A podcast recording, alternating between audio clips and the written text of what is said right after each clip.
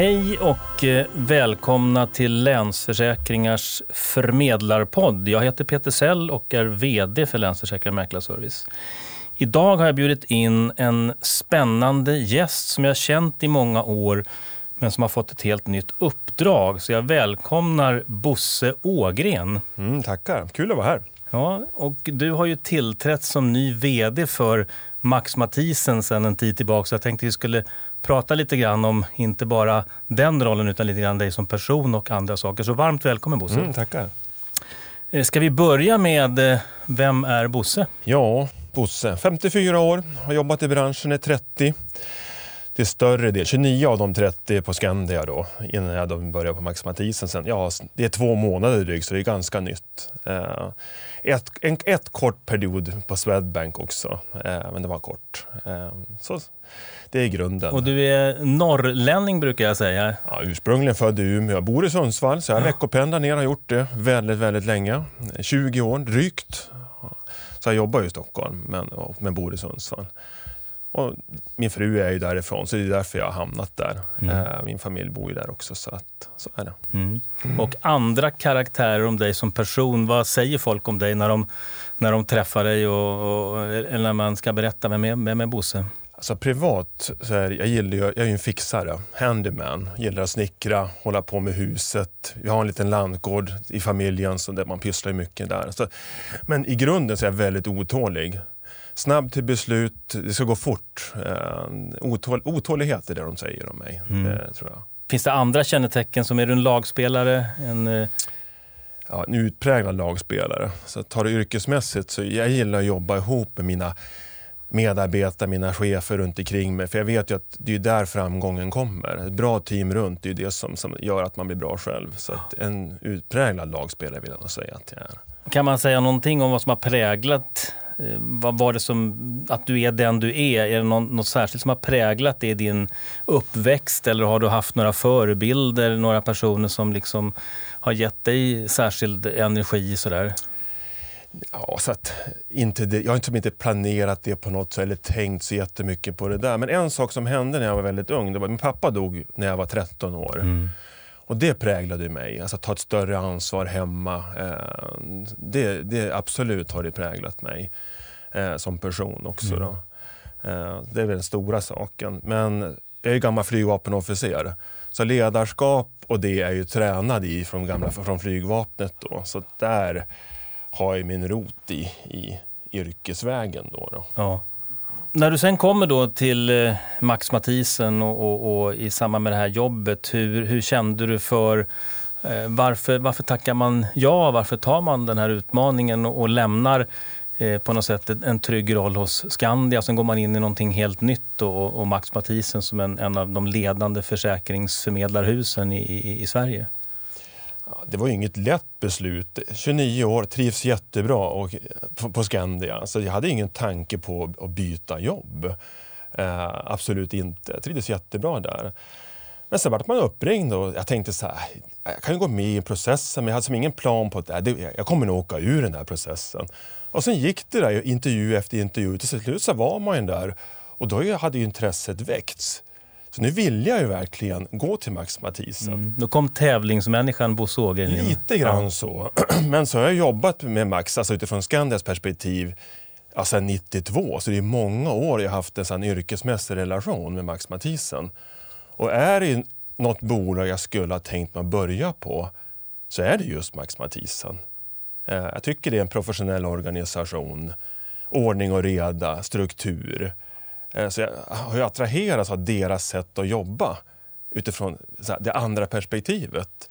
Så det kändes ganska naturligt då att något ställe man ska gå till om man ska byta jobb som 50 fyraåring så, mm. så, så, var det ganska självklart att välja mm. just Max Mattis. Mm. Jag misstänker att du blev avtackad också från Skandia. Dina kollegor hörde av sig. Vad var det, för in, vad, vad, vad, var det de sa när du slutade?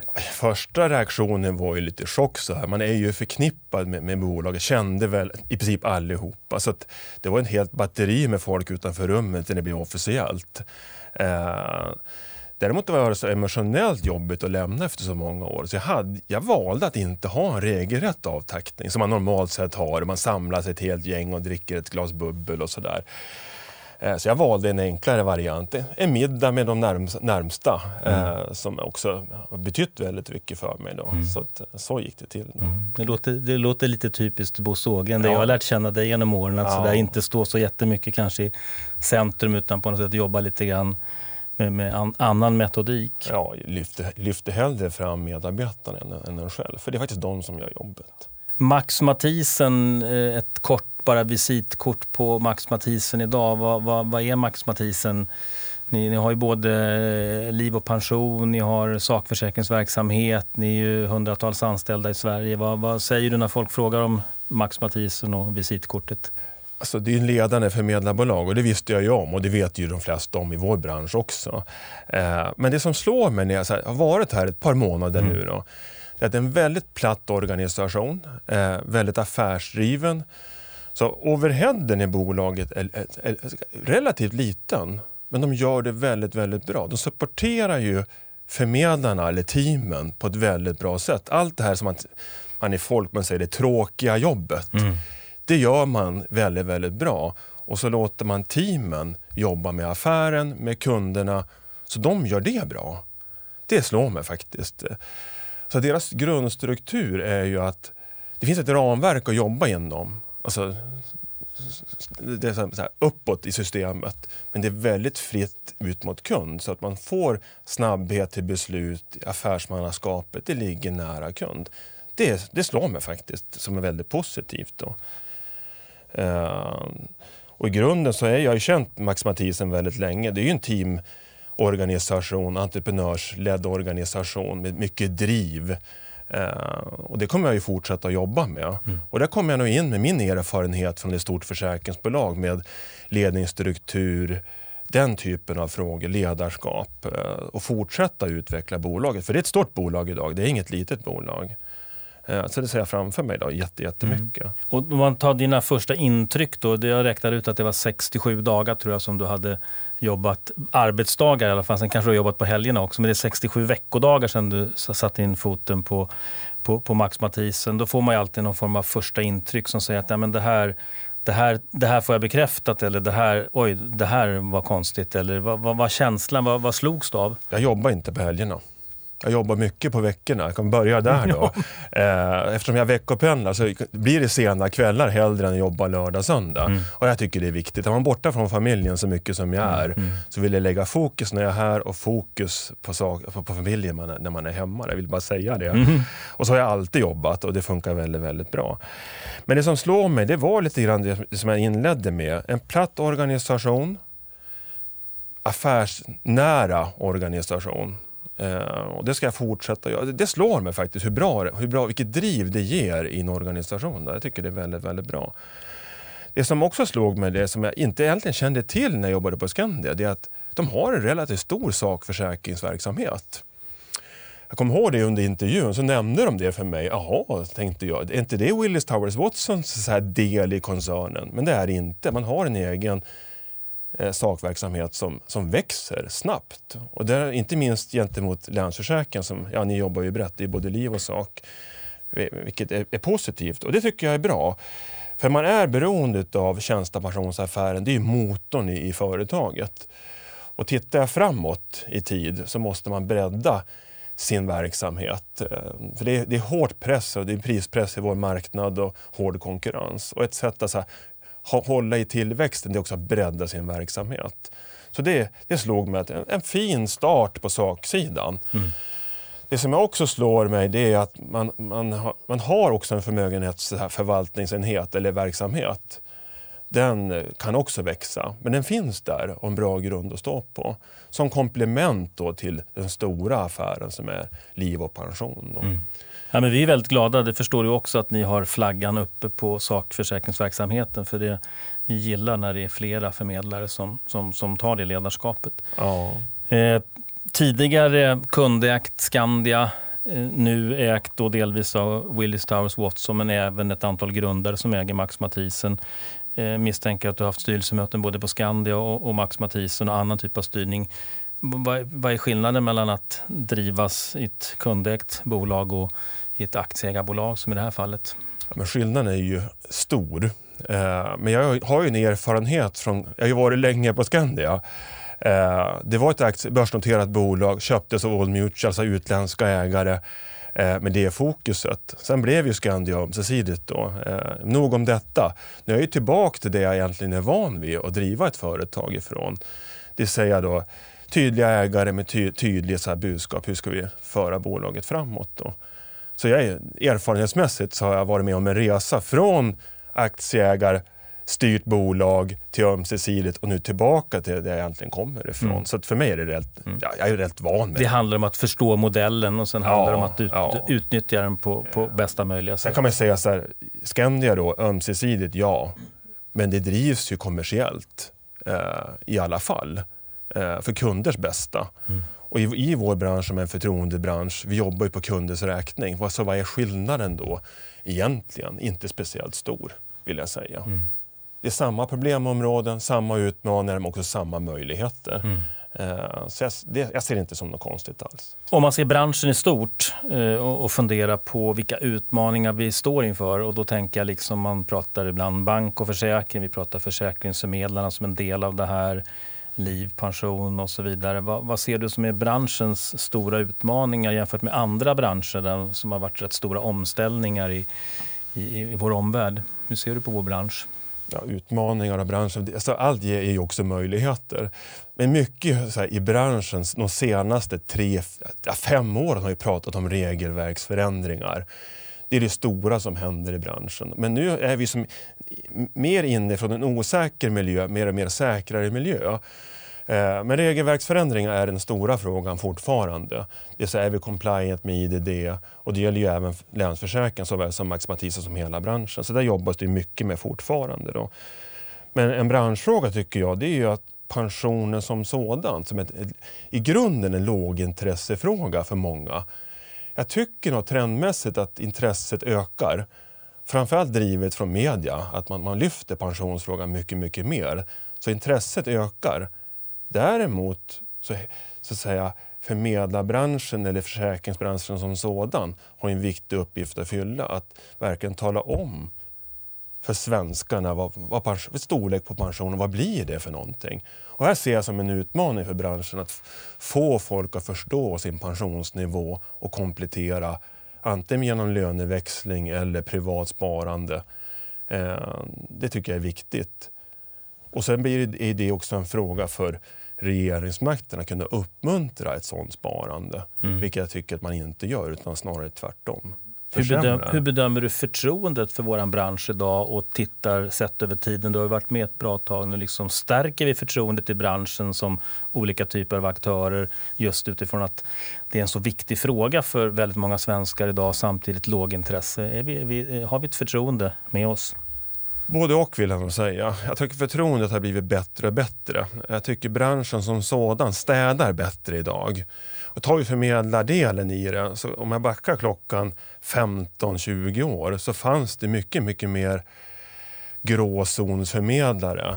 Så, så regelverken och trycket, medialt tryck från försäkringsbolagen tillsammans gör att branschen har mognat. Så vi får, vi får bort så, de värsta rötäggen om vi säger så.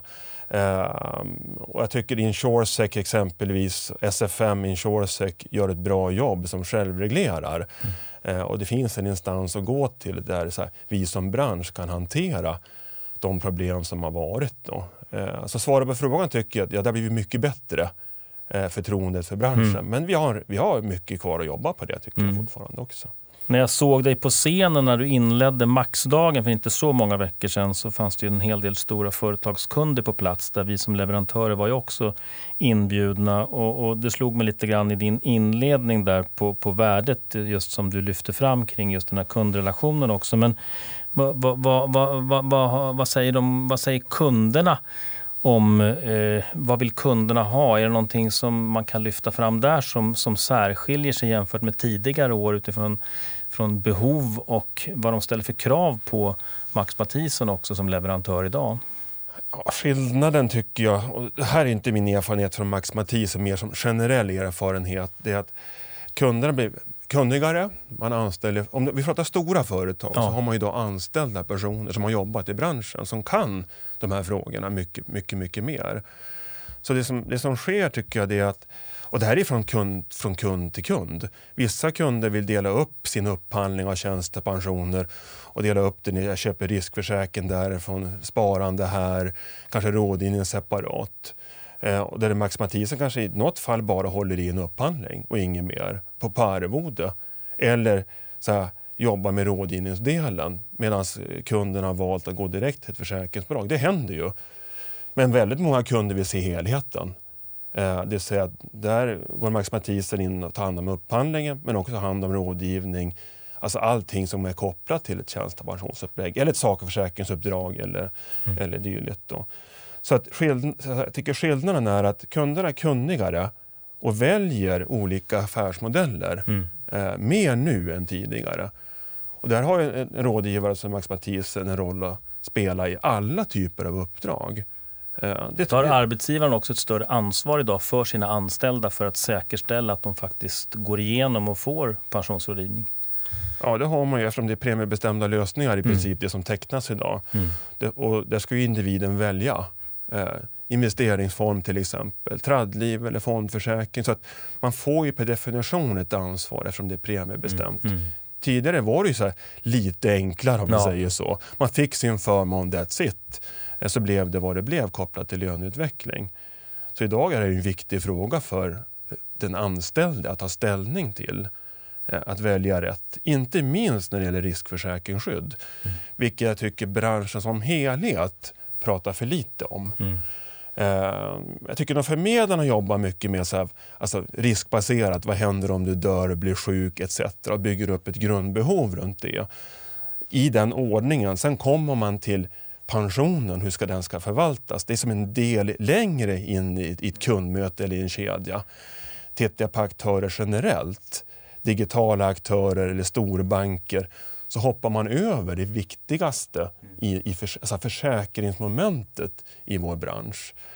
Eh, så det är väl en branschfråga. Så mera innehåll kring kortliv och, och sjukdom och försäkringsdelarna och, och riskdelarna. Och sen Ja. blir det ändå så att ålderspension och så vidare ska vi ändå prata om. Men börja inte bara med det. Utan, Nej, men det är ju en risk i sig att Mm. leva länge Mm. eh, så att pengarna verkligen räcker. Eller jag vill sluta tidigare. Eh, så måste man ju prata om, om det också. Och det I grunden är ju det ett försäkringsmoment. mm. Eh, det tycker jag att aktörer som alltså förmedlarbranschen har en viktig roll att spela eh, i det. Eh, så kan man titta då, ja, sen finns det kollektivavtalade lösningar och allt vad det be- betyder. Då. Men, men jag märker ju det att där det finns en rådgivare med så pratar man ju djupare med de anställda om just de här frågorna. Alltså, vi- Vi kan se exempelvis löner, alltså växla lön till pension. För pension är ju någon form av en uppskjuten lön. Har man träffat en rådgivare, alltså en bearbetad marknad, så ser jag tydligt att väldigt många växlar lön mot pension. Däremot tittar jag på de som har valt en kryssvalslösning. De får inte ens, blir inte ens upplysta om behovet av att spara själva. Eh, där är ju andelen löneväxlingar betydligt, betydligt lägre jämfört med om man har haft en så här, det jag kallar för bearbetad rådgivningsmarknad. Mm. Om man går in på eh, det som skulle kunna vara, det finns ju möjligheter och det, det, det ser vi framför oss, men finns det också, ser du några intressekonflikter i branschen utifrån, i det här fallet, då försäkringsförmedlarnas roll, försäkringsbolagens roll, gränssnittet mot kund, Max matisen? Eh, ser du några uppenbara intressekonflikter som vi måste hantera tydligare? Förmedlarbranschen har ju funnits länge. Så, så den här konflikten vi har, vad gör försäkringsbolaget, vad gör förmedlaren? Jag tycker att den är överspelad. All, nu kan jag titta på Skandias synsätt. Vi har haft egen distribution, egen bank etc. har ju Skandia då. Ja, Så vi jobbat med förmedlare, eller eller de jobbar med, jag säger vi hela Ja. tiden, men det, det är yrkesskadan. Men det tar väl kanske något år eller så innan man släpper det. Eh, nej men eh, tillbaka till frågan. Jag tycker inte att det är en konflikt mellan en- producent eller en förmedlare i sin grund. Eh, däremot så finns det intresse, eller har funnits intressekonflikter, därav ny lagstiftning kopplat till det. Runt ersättningsfrågor exempelvis.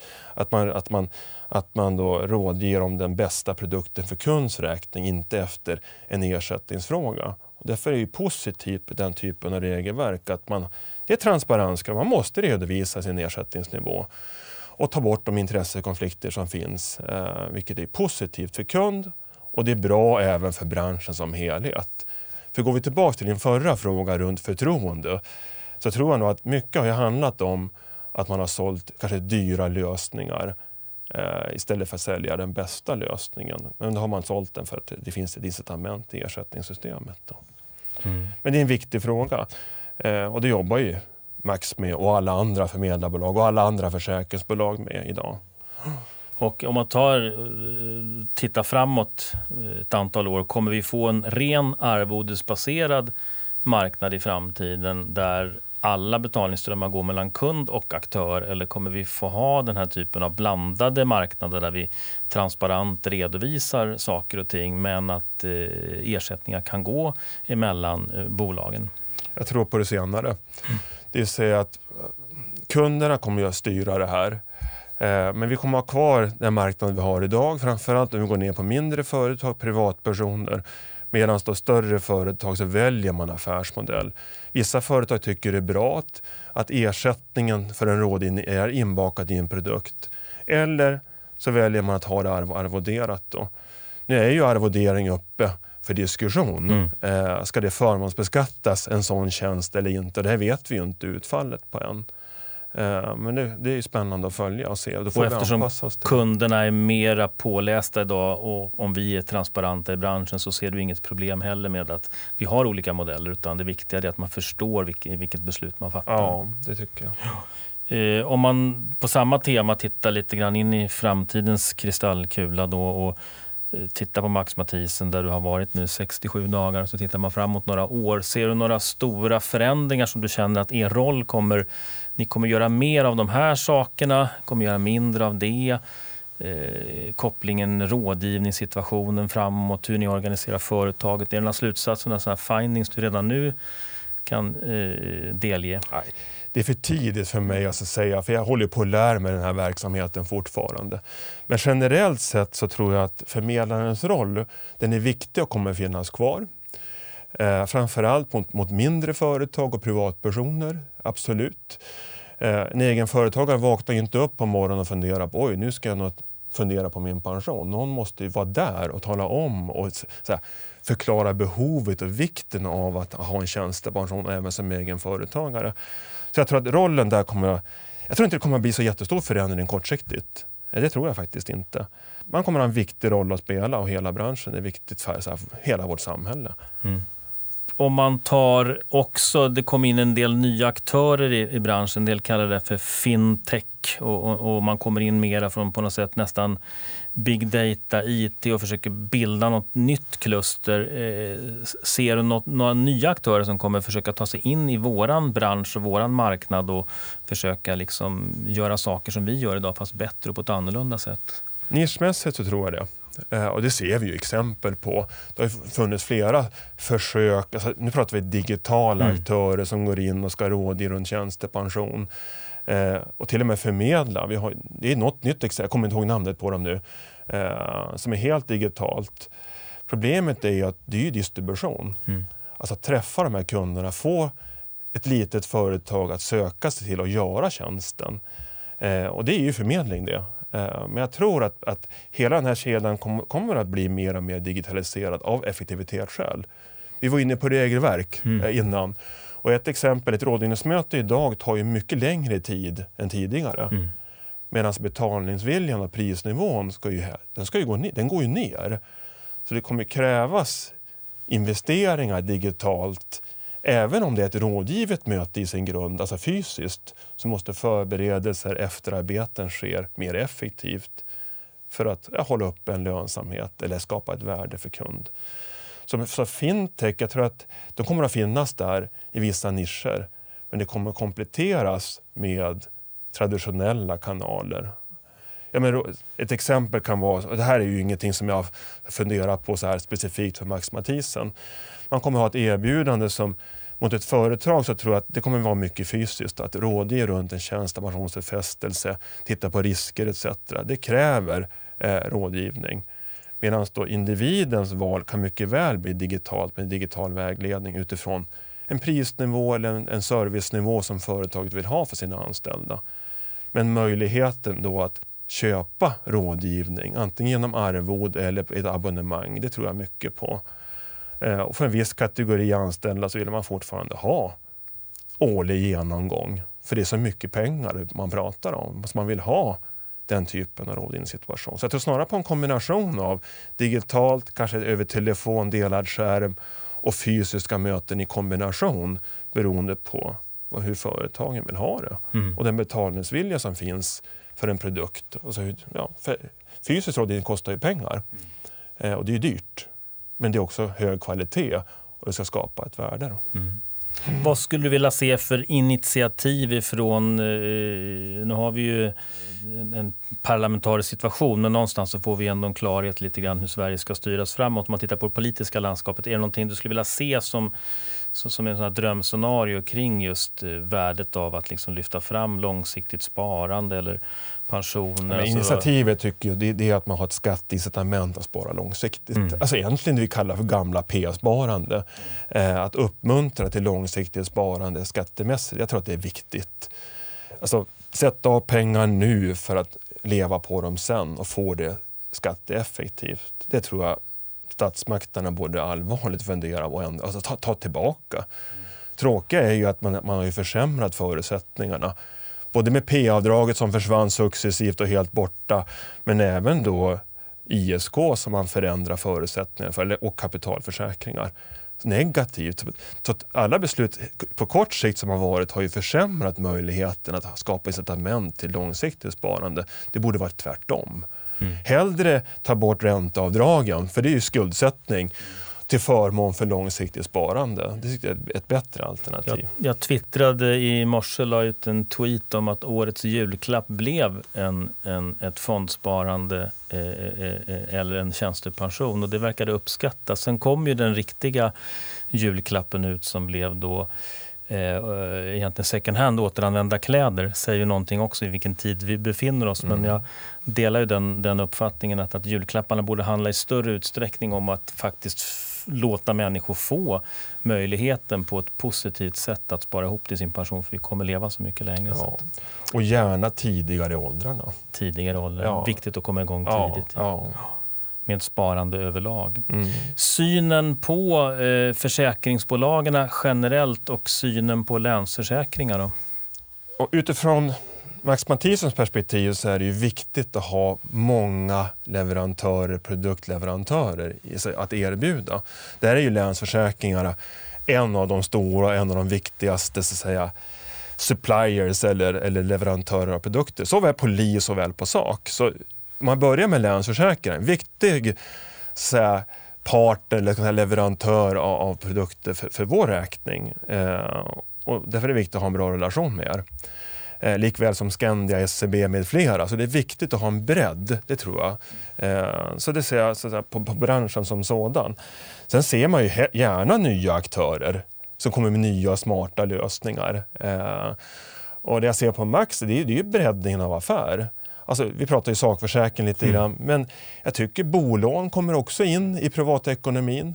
Här skulle jag gärna vilja se att Länsförsäkringar också, alltså, ni har ju en stor bank och ni är framgångsrika och har bolån. Här vill vi gärna ha ett samarbete även med LF. Mm.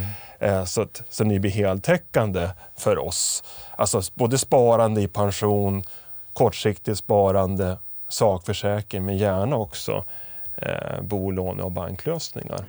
Det är lite ett in, inskick till er då. Eh, så det tycker jag. Eh, men generellt sett så tycker jag att vi har bra leverantörer, bra samarbeten. Eh, med många försäkringsbolag och finansiella bolag. Vad bra. Är det någon fråga som jag borde ställa till dig som du tänker så här, nu har vi pratat en stund, det borde jag ju fråga mig också om. Ja, en fråga som jag själv ställde mig lite grann, vad är alltså Max Mathisen ihop med Willis Towers Watson, vad, vad är det för styrka? Mm. Det var en fråga som jag själv ställde mig när jag skulle ta jobbet. Vad är det för, för typ av bolag? Vad, vad, hur kompletterar det här varann?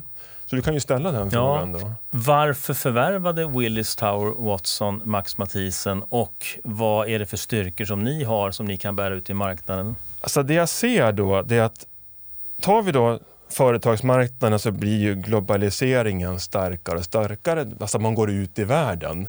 Eh, och tittar jag på den konkurrenssituation som finns i Sverige, om vi tittar på förmedlarbolagen. Eh, om vi tar de stora sakförmedlare, det är Mars och Aon. De är otroligt starka internationellt, men relativt svaga lokalt i Sverige.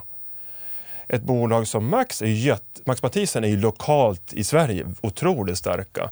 Men i kombinationen med Willis Towers Watson som är en global aktör så får du så att säga, lokal förankring, lokal närvaro med möjlighet att rådge och följa ut kunder oavsett i vilket land det är. Det har jag sett på kort tid som en enorm potential och styrka för Max Mathisen. Då. Mm. Och tar vi då den, näst, den största förmedlaren i Sverige, den är också väldigt lokal, förmedlarbolaget. Då.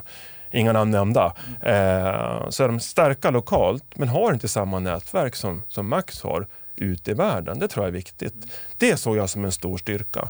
Kan det vara så att Willis Towers Watson också vill exportera Max Mathisens kunskap ut i andra länder runt pension? Det vet jag faktiskt inte, men det är en bra fråga som jag kan ta med mig. Ta, ta med det Ja. Däremot kan jag säga så här att de ser, Max Mathisen finns ju inom ett område hos Willis Towers Watson här, och, och det tycker jag är bra.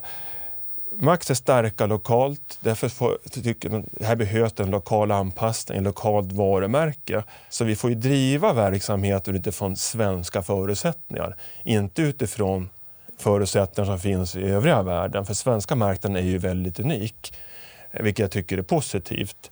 Men i kombination då med att om det är en, glo en global, ett globalt bolag med en global upphandling så kan vi följa med ut. Och även eh, händer det ju relativt ofta att Willis Towers Watson har kunder som har filialer i Sverige och då hjälper vi till. Mm. Det samarbetet är väldigt, väldigt bra. Mm. Jag vill passa på också att framföra vårt tack till samarbetet med Max Mathisen. Vi har jobbat ihop tillsammans under många, många år och eh, fortsätter gärna göra det. Eh, vi ser också att de kunderna som vi har tillsammans med Max Mathisen är väldigt nöjda över den leveransen som, som man får, eh, vilket också är bra. Jag lovade dig innan att du skulle få avsluta med en önskelåt, något som ligger dig varmt om hjärtat som du vill ha som avslutningssignatur. Nej, men jag, jag valde Shallow med Lady Gaga. Den, den, är aktuell, jag tycker den är väldigt bra. Och så är den också väldigt aktuell. Så jag är ju otålig och vill jobba här och ja. nu. Så därav en låt som också funkar här och nu.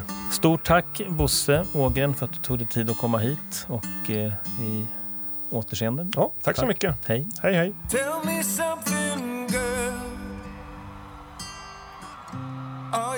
Happy in this modern world? Or do you need more? Is there something else you're searching for? I'm falling. In all the good times, I find myself longing for change. Times, I fear myself.